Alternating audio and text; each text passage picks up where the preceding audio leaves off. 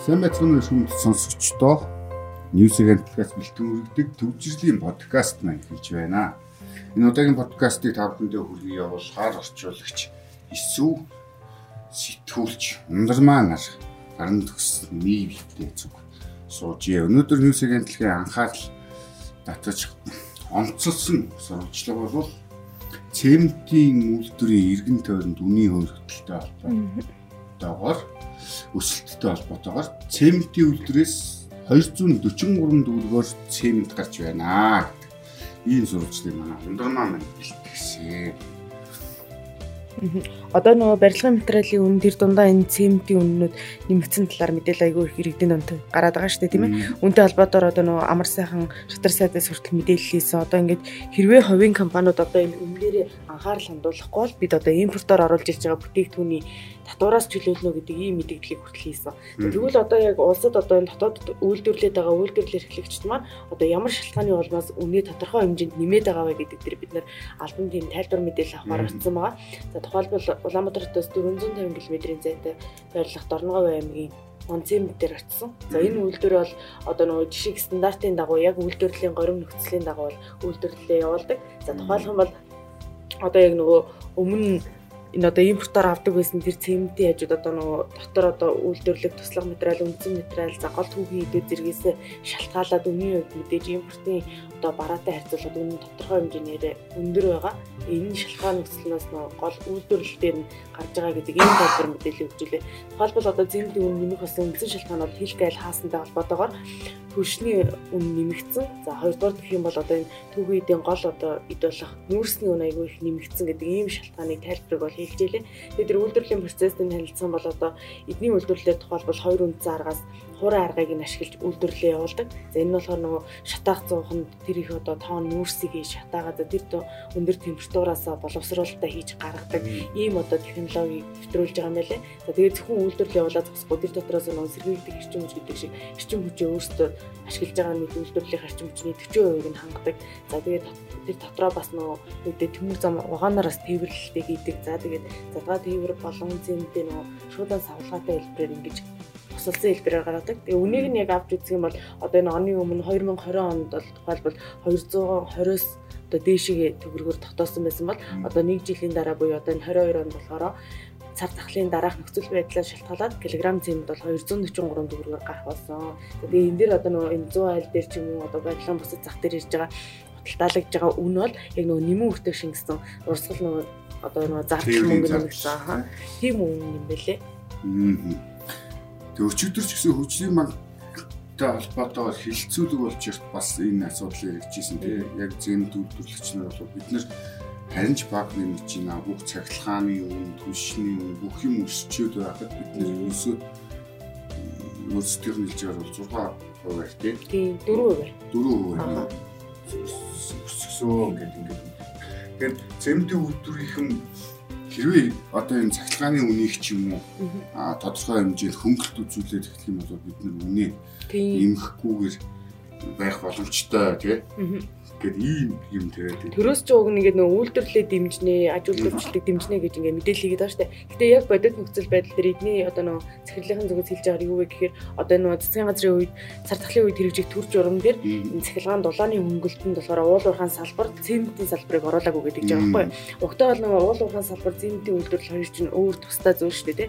Тэгээд авч үзэхээр ингээд ер нь бол төр бид нарт ингээд айгүй ялгууртай хандж байна. Харин тэр нөгөө хөгжлийн магны зээлийн асуудал дээр бид огт төлөхгүй гээгүй зөрүү төлбөр нь одоо нөгөө тухайн үед авч исэн доллар чинь 1850-аар тооцогдож исэн бол өнөөдөр бараг 3000 төгрөг байгаа тий.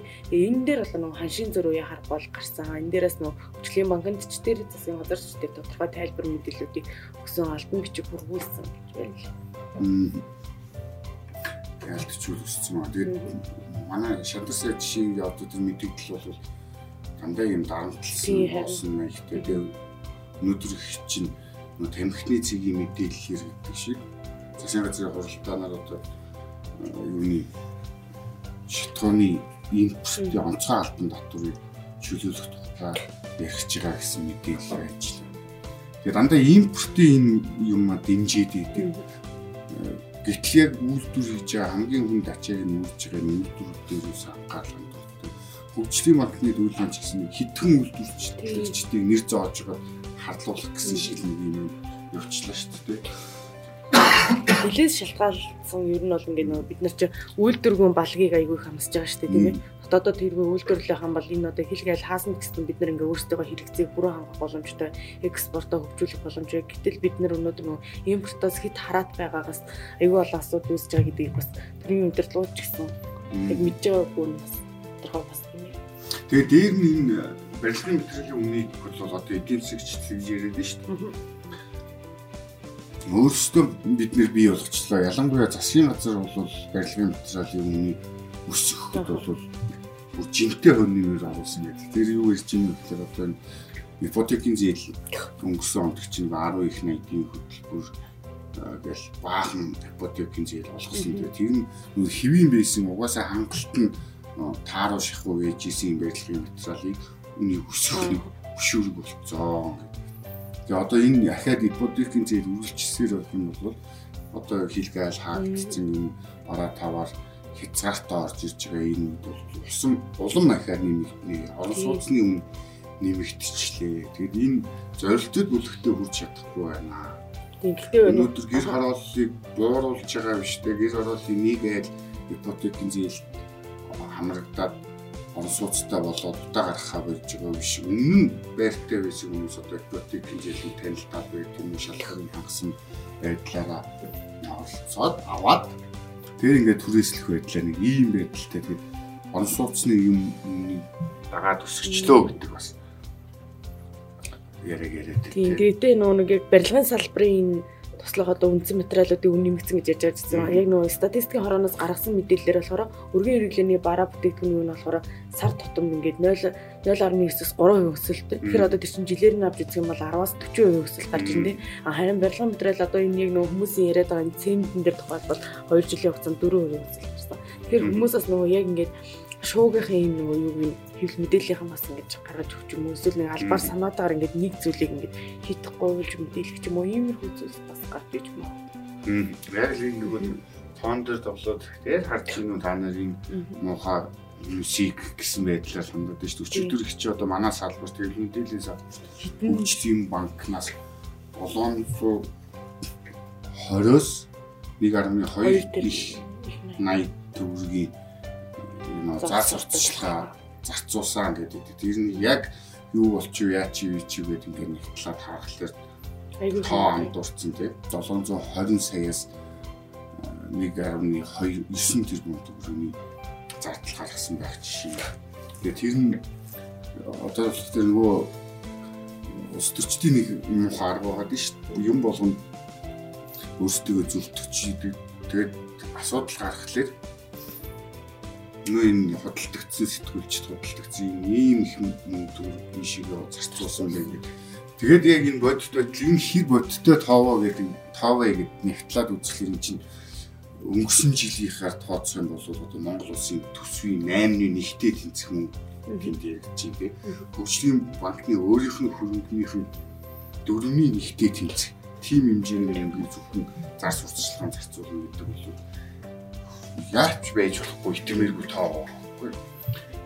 Их жишээ нь тэгээд нэг ийм байдлаар хандаад уг нь энэ хитгэн байгаа одоо нэг гурван үйлдвэр байгаа дээ шүү дээ. Таван үйлдвэр угаасан үйлдвэр гэдэг юм лээ. Яг томоохон хэмжээний тийм зах зээл нөлөөлөх хэмжээний үйлдвэр юм байдаг. Тэгэхээр энийгээ дэмжиж асуудлыг нь ойлгоод бас нэг наануу цаанаантай хандхын оронд эсэргээр нь эднэрийг мөсгүүлж байгаа дампууруулж байгаа юм шиг импортыг дэмжинэ.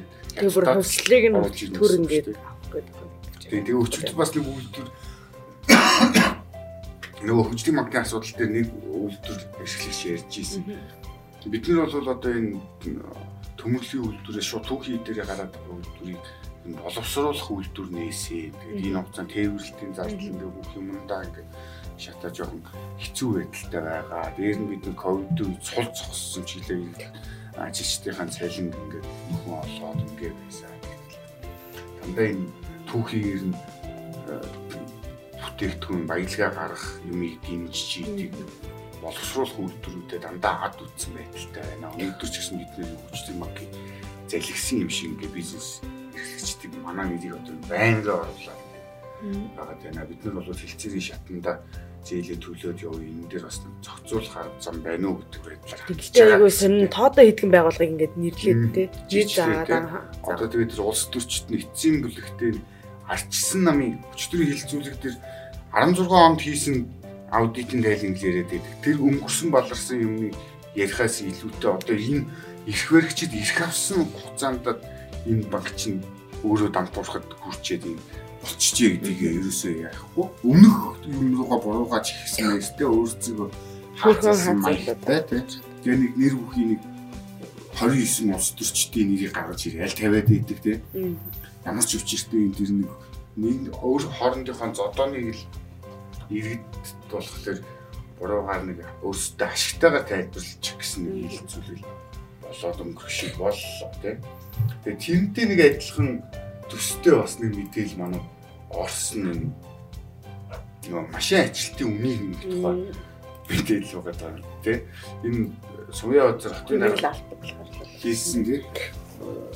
Төвжирлийг буруулахын тулд гашуун шийдвэрүүдийг гарганаа гэдэг тийм. Үнтэй гаргахаас өөр байхгүй.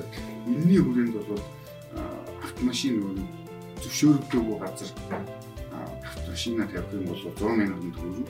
Ах зогсоолын үнийг 1000 1000 төгрөгөөс эхэлдэг байсан бол 2000-аас 3000 төгрөгөөс эхлэхээр ийм бэлзүүдийг танталт гэх юм уу? гаргасан. Тэгээд иргэд бол мэдээж ийм хэсэр үлдсэн. За азар гэх юм уу юугаар гэх юм энэ үнийг хуучин хэрэггүй байлнаа гэдэг. Гэхдээ энэний цаа юу яваад байгаа нь гэхлээр нэг сони юм.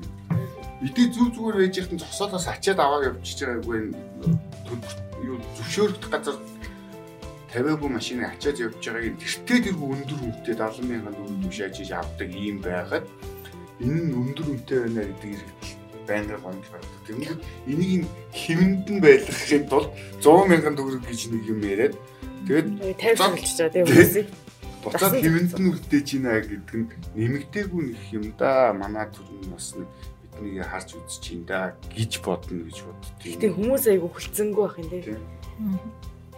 Хэмжээд л бодож юм да. Хамгийн гол нь өөрөөсөө нөгөө нэг хангалттай хотын төлөвлөлтөнд зогсоолыг гаргаж өгөөгүй те зогсох газар байхгүй. Одоо чи нөгөө хитэн төгрөг төсөлчөд болоо 430 тэрбум л сая илүү. Тийм их хэмжээний мөнгө тусалж гисэн. Тэгсэрний одоо хүртэл ингээд 3 сар дуусч яхад дөрөвтэй ажиллаараа юу ч хийдэг үү те.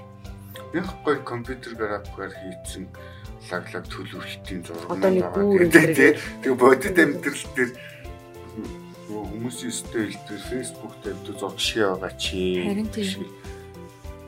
Одоо жишээнээс би нэг нийттэй юм л би дээр хуучны санаа уншиж явж илаа л да тэгсэн чи одоо манайх чинь энэ метрото болно гэдэг байгаа шүү тий 2011 онд Монгол улс метрото болно гэж байсан. Дараа нь 18 он ингээд ингээд нэг харьцуулсан зураг гэсэн.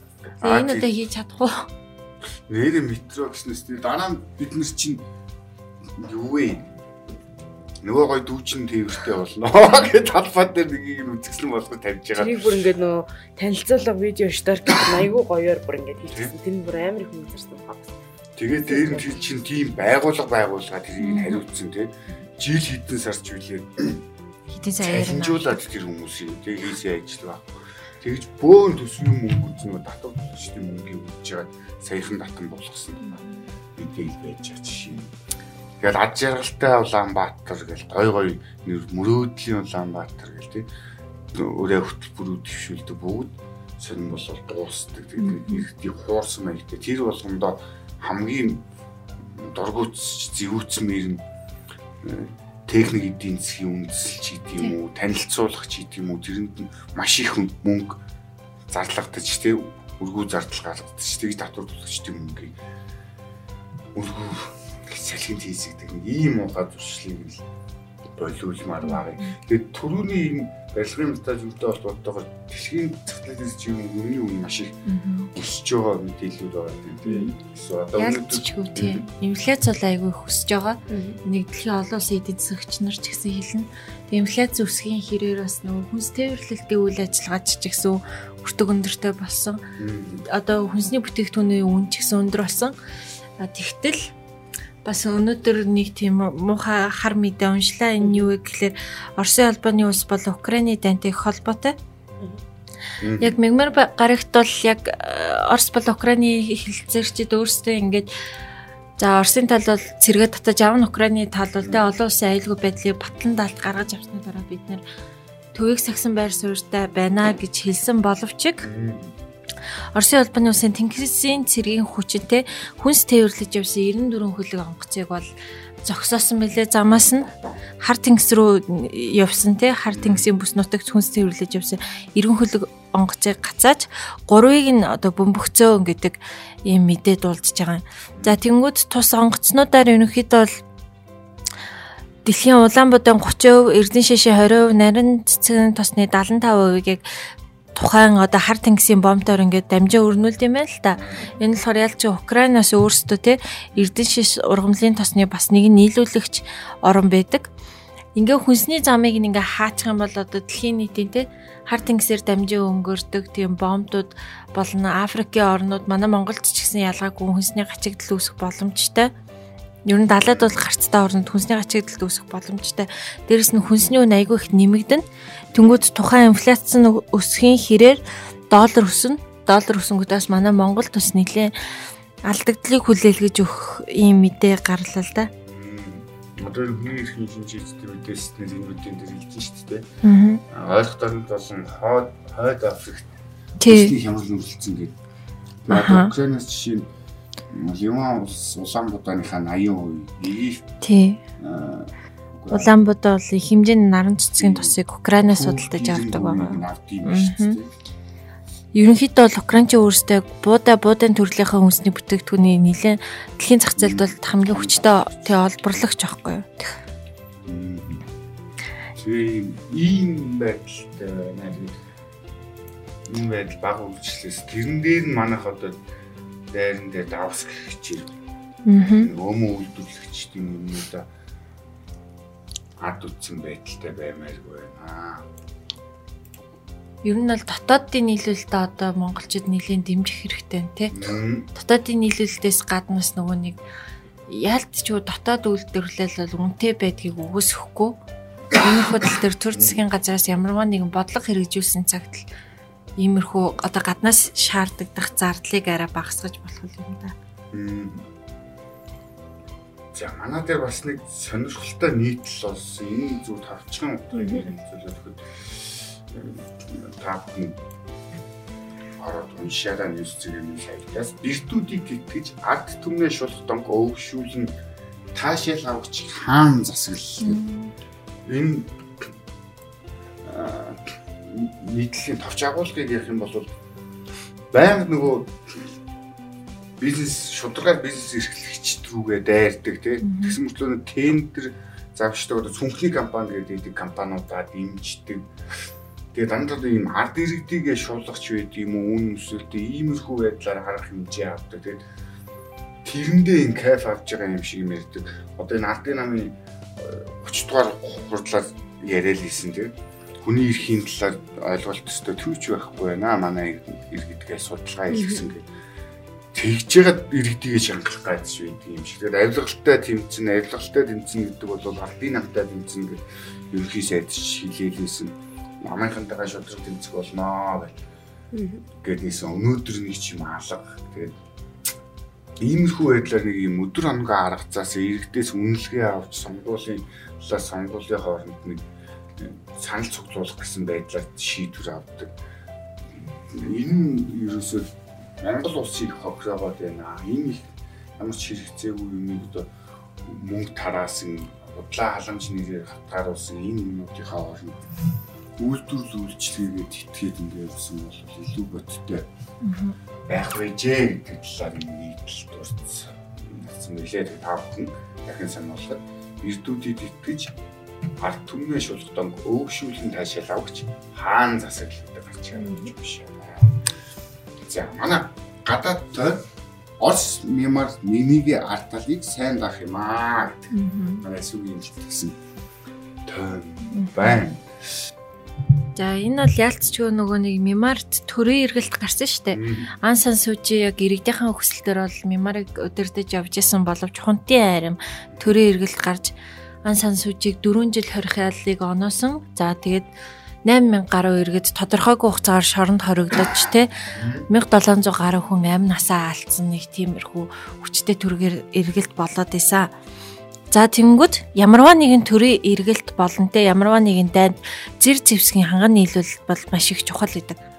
Мемариг одоо яг ийм хунтын айрам ингээд өдөрдөж байгаагаараа Орос, Хятад, Серб гэсэн гурван улстай одоо байнгын тэмзэр зэвсгийн нийлүүлэлттэй болж байгаа юм гинэ. Тухайн үедээ бол яг дэлхийн олон орноос ингээд Их Британи, Англи, Канадаас ингээд зэвсгийн нийлүүлэлтээ авдаг байсан ч гэсэн Оросын албаны улсыг улсын хувьд бол байнгын түншин а бас их хэмжээний зэвсэг нийлүүлэгч байсан. За тэнгууд Мимарт хүний эрхийн тийм маш том зөрчилдөөн гарснаас хойш нэгдсэн үндэсний байгууллага болон тэ баруун бүс Европын орнуудын нийгэмлэгүүд нийлж агаад Мимарт зэр зэвсгийн 20 арга хэмжээ тавьсан байдаг. Яг тухайн 20 арга хэмжээний үндсэн дээр бол дэлхийн томоохон орнууд Мимарт тэ газар болон агаарын тийм зэрэглэлийн пуужингууд нисдэг тэрэгт сум тээврүүд тээврүүдийг хангахгүй гэсэн боловч Оросын албаны улс болон Хятад улсууд байнгын нийлүүлэлттэй байгаа. Тэр дундаа бүр одоо яг Мемарын цэргийн өдрийн бүр хүндэт зочноор төлөөлөгчд нь урагдчихсан байгаа. Серб улсын хувьд бол одоо сумны нийлүүлэгч байсан. А тэгтээ удахгүй бол сум нийлүүлэхэ болно гэж байгаа. Яагаад гэвэл тухайн Украин Оросын асуудлаас болоод болно гэсэн. Тэнгүүд Оросын албаны улс энэ жилийн одоо нөгөө нэг зэвсэгт хүчний парадад Оросын албаны улсын төлөөлөгчдөд оролцсон дээрээс нь дид командлагч нар ч гэсэн оролцоод тий өөрсдийн гэсэн Оросын талын үзүүлбэрийг үзүүлсэн энэ болохоор тус хоёр улсын одоо яг батлан хамгаалах салбар бол нэлээд хамтран ажилладаг нэг нэгнийхээ арыг даадаг гэж харуулдаг. Мемар улс яг Оросын албаны улсаас 500 сая ам доллар бэлэн мөнгөөр ингэж зэв зэвсгийн худалдаа авалт хийгээд үлдсэн одоо худалдаа авах зүйлийнхаа өртгийг бол яг нөгөө нэг Оросд хэрэгтэй түүхийн эд материалаар ингэж солилцож өгд юм байл та. Тэр нь болохоор нөгөө нэг эрдний чулуу мод те ямарваа нэгэн түүхий одоо Оросд яг хэрэгцээтэй меморт юу вэ тэрийг ингэж солилцож авдаг. Ер нь бол яг хүний эрхийн тийм том асуудал үүснээс хойш дэлхийн орнууд меморт туслахаа бэлдсэн байхад ганцхан Орос бол өөрсдийнхөө харилцааг бат бөх авч үлднэ гэж одоо хүртэл явсан байгаа. Тэгээ Оросын хамгийн амар зүйл нь гэх юм бол Украины одоо төрөмгийлэлтэй давхцуулаад те мемарт ингээ зэр зэвсэг бөөндöd байна гэдэг чинь Орос яг өөрсдийнх нь дотоод хүчин чадал хэрэг байгааг харуулж байна гэсэн үг. Мемар бол Орос хоёр одоо цаашдаа ч гэсэн хамтран ажиллана гэдгийг ер нь дэлхийн ажиглагчид ч гэсэн дүгнэж өгсөн байлээ. Ялцчгүй бас нөгөө нэг төлөөлөгч нар нь хүртэл хамтын ажиллагаа сайжруулж байгаа гэж хэлээд байгаа. За энэ бас нэг анхаарал татсан мэтэл Оросын гадаад хэргийн сайд хятадд альчиж байна тийм өөрөөр лавроо гэдэг тийм очиж байна. Тэгэхээр энэ альчлалын гол зорилго нь юу байгаа? Эндээс ямар дүнд хүрэх вэ? Энэ хоёрын харилцаа цааш яах вэ? гэдгийг бол аа дэлхийн нийтэд анхаарал татсан асуудал. Тий. Аа нөгөө нэг хятад улс бол ерөнхийдөө яг төдөлдсөн байр суурин дээр байгаа шүү дээ. Тэрэн дээрээ ч бас нөгөө нэг төвийг сагсан байр суурьтай байна гэсэн. Аа гэхдээ бас ямар нэгэн байдлаар нөгөө Оросын албаны улстай хамтран ажиллахаа бол зогсоогоогүй. Баруун нийтээ Жо Байден хүртэл ингээ хятадуудад хандаад та нар ямар нэгэн 20 гаруй хэмжээд хэлсээч гэж хэлж ирсэн. Харин одоо Оросын албаны улсын гадаад хэргийн сайд Сергей Лавров өнөөдөр буюу те 3 сарын 30-нд яг хятадд айлчилж байгаа. Тэнгүүтээ яг хоёр орны бол тий дипломат харилцааны талаар бол уулзалтна гэж наад захын мэдээллүүд бол гарсан байгаа юм. А дээр нь тэгээ одоо ингээ нөгөө өөрийнхөө холбоотнуудыг бас найсаг харилцаатай байлгах гэдэг нь шүү дээ. Тий. Удахгүй бол бас энэтхэгт айлчлах гэж байгаа юм байна тийм үү. Тэгээ энэтхийн гадаад хэргийн зад удахгүй хизээ айлчлах вэ гэдэг товыг зарлана гэж бас хэлсэн байна. Энэ ялч нөгөө нэг хятад энэтхэг Орос гуравч нь бол нэлээд том бүрэн штэ. Нэг нэгэнтэй бол олон жилийн турш ингэж харилцаж ирсэн. Яг нь Орос а биш хятад энэтхэгийн хооронд бол яг нэг тийм нарийн чухал холбоо байхгүй ч гэсэн Оростой дамжуулаад нэг нэгнтэйгээ ингэж зүгээр инхийг сахиулах уулзалт ч юм уу те харилцан худалдаа нэмэ эрхлэх журмаар ингэж уулзалж жагаад яг цаагаар бол яалтчгүй нарийн холбоогоо баттгаж өгж гинэ л гэсэн. Яг түрүүн хэлжсэн засгийн газрын холбооноос тодорхой асуудлуудыг шийдсэн бас ихний мэдээллүүд хэлж чинь тэгээ тун утахгүй бол маргаашнаас эхлээд таван тулгаан ортын асуудлаар энэ тендер ашиглах талаар тендерийн асуудлыг юм байна. Энд ихний ажиллагаа бол 6 компани орсолтно гэдэг мэдээлэл өгсөн гэсэн мэдээллийг салбарын сайд хэлжээ. За өөр өнөөдрийн ч анхаарал татсан сонирхолтой мэдээлэл юу байлаа. Өнөөдөр бол ялч нэг Орос Украины яг хилцээл юм да тий. Оросын тал бол Киев болон тий зүүн бус баруун бусын зэргүүдэд татаж аавна гэсэн. Гэхдээ яг Украины тал бол цэргээ татаж аавна гэдэгт бол итгэхгүй байгаа юм билээ. Итгэхгүй байр суурьтай яагаад гэхлээр одоо цэргээ татаж аавна гэдэг нэрээр сэргийн цэрэг армийн сэлгээ хийж ивэл яах юм бэ гэж хэлсэн. Бас магадгүй гэж хэлээд байлээ. Одоогор тэгээд бас таагүй таагүй мэдээлэл дуулалтаа л байгаа тийм цэргийнх нь хувьд бол танка зарлаа ч гэдэг юм. Тий. Сэндраараа өөрсдөө бууж өгсөн гэсэн мэдээллүүд ч яваад л байгаа тийм. Тэгэхээр бас нэг тим мессежлэн болох хэрэг болж байгаа хүмүүс ихгүй. За манай энэ асуудлын хүрээнд бол Бат цэцэг сайд гадаад иргэн сайд харилцааны сайд Бат цэцэг Оросын холбооны улсаас Монгол улсад суугаа элчин сайд Азизов манайхын ойрын өдрүүд төл энэ их хамгийн их хэлж байгаа. Энэ хүнтэй уулзсан байна. Тэгэхдээ одоогор энэ уулзалтаар юу ярьсан, яасан гэдэг мэдээлэл нь тодорхойгүй байна. Албан ёсоор мэдээлээгүй. Гэхдээ энэ хоёр орны харилцаа ер нь тодорхой асуудлуудаар мэдээлэл хийж сонсолцоо. Энэ бас нөгөө 3 сарын 24-нд гаргасан мэдээлэлтэй холбоотой нөгөө гадаад харилцааны яамнаас нот ч хөргүүлсэн гэдсэн шүү дээ. Тэн дээр бас тайлбар өгсөн байж магадгүй гэж хүмүүс бодож байгаа Энэ нэр бол альбан тайлбар бол хэлээгүй. Тэрний тайлбар ш тэгэл тэр дорн л нөгөө би гаргасан газараа гаргаал байгаа. Тэгээд монголчууд хоёр талцж хуваагдаж хэрэлцсэн хിവэрээ байна. Гэхдээ бид нэр одоо ядаж энэ хоорондоо талцж хэрэлцдэг болчмоор байгаа юм. Тэгээд тэр нь манай подкастын цаг өнгөрч байна. Тэгээд ер нь дэлхий дээр ч тэр монголчууд тэр бидэнд дайм биш хайр хэрэгтэй. Тэгээд та бүхэн ойр дотны хайртай хүмүүстэйгээ орой ая тутай сайхан өнгөрүүлээрэ маргааш шинэ подкастаараа та бүхэнтэйгээ шин шин мэдээлэлтэй иргэн уулзъя. Баярлалаа баярлалаа. Баярлалаа.